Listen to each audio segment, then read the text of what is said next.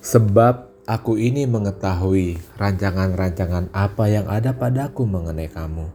Demikianlah firman Tuhan, yaitu rancangan damai sejahtera dan bukan rancangan kecelakaan, untuk memberikan kepadamu hari depan yang penuh harapan. Yeremia 29 ayat 11. Dan lagi kata firman Tuhan, lihat, aku hendak membuat sesuatu yang baru, yang sekarang sudah tumbuh. Belumkah kamu mengetahuinya? Ya, aku hendak membuat jalan di padang gurun dan sungai-sungai di padang belantara. Yesaya 43 ayat 19. Saudara-saudaraku yang dikasihi Tuhan, Tuhan memberikan tema yang unik dan indah kepada kita untuk tahun 2022 ini. Hidup dalam kebenaran dengan penyertaan Tuhan untuk mengalami sesuatu yang baru. Saya percaya Tuhan ingin membawa kita kepada sesuatu yang baru, sesuatu yang tidak pernah terjadi sebelumnya sesuatu yang belum pernah kita alami yaitu sesuatu yang baru yang Tuhan persiapkan untuk kita alami bersama Tuhan dalam anugerahnya.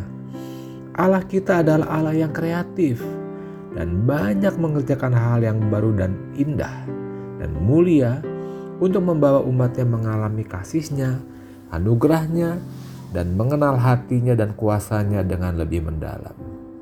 Namun kadangkala kita merasa nyaman dalam keadaan kita saat ini Mungkin keadaan saat ini sudah cukup enak, cukup baik. Untuk apa lagi kita masuk ke dalam sesuatu yang baru? Untuk apa mengejar hal yang baru? Mungkin kita merasa sesuatu yang baru itu beresiko, tidak pasti, dan bisa saja hal baru itu sesuatu yang buruk. Kenyamanan atau comfort zone ini membuat kita menutup diri terhadap perubahan yang sedang Roh Kudus kerjakan. Namun firman Tuhan di Yesaya 29 ayat 11 di atas, memberi terang bagi kita.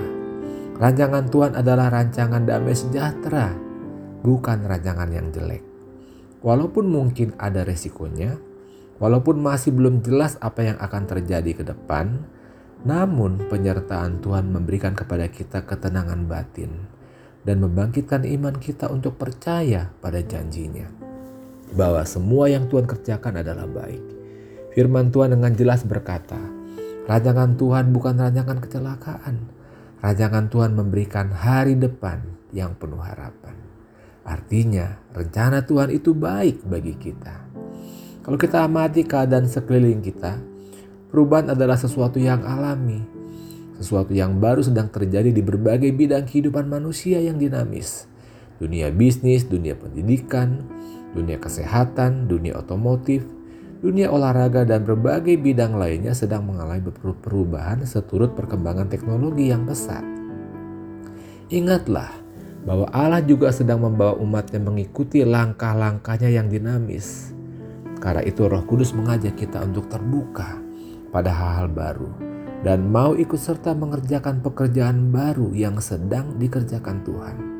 Sikap terbuka ini akan menolong kita memahami dan mengalami hal-hal baru dan indah yang Tuhan mau kerjakan dan percayakan kepada kita.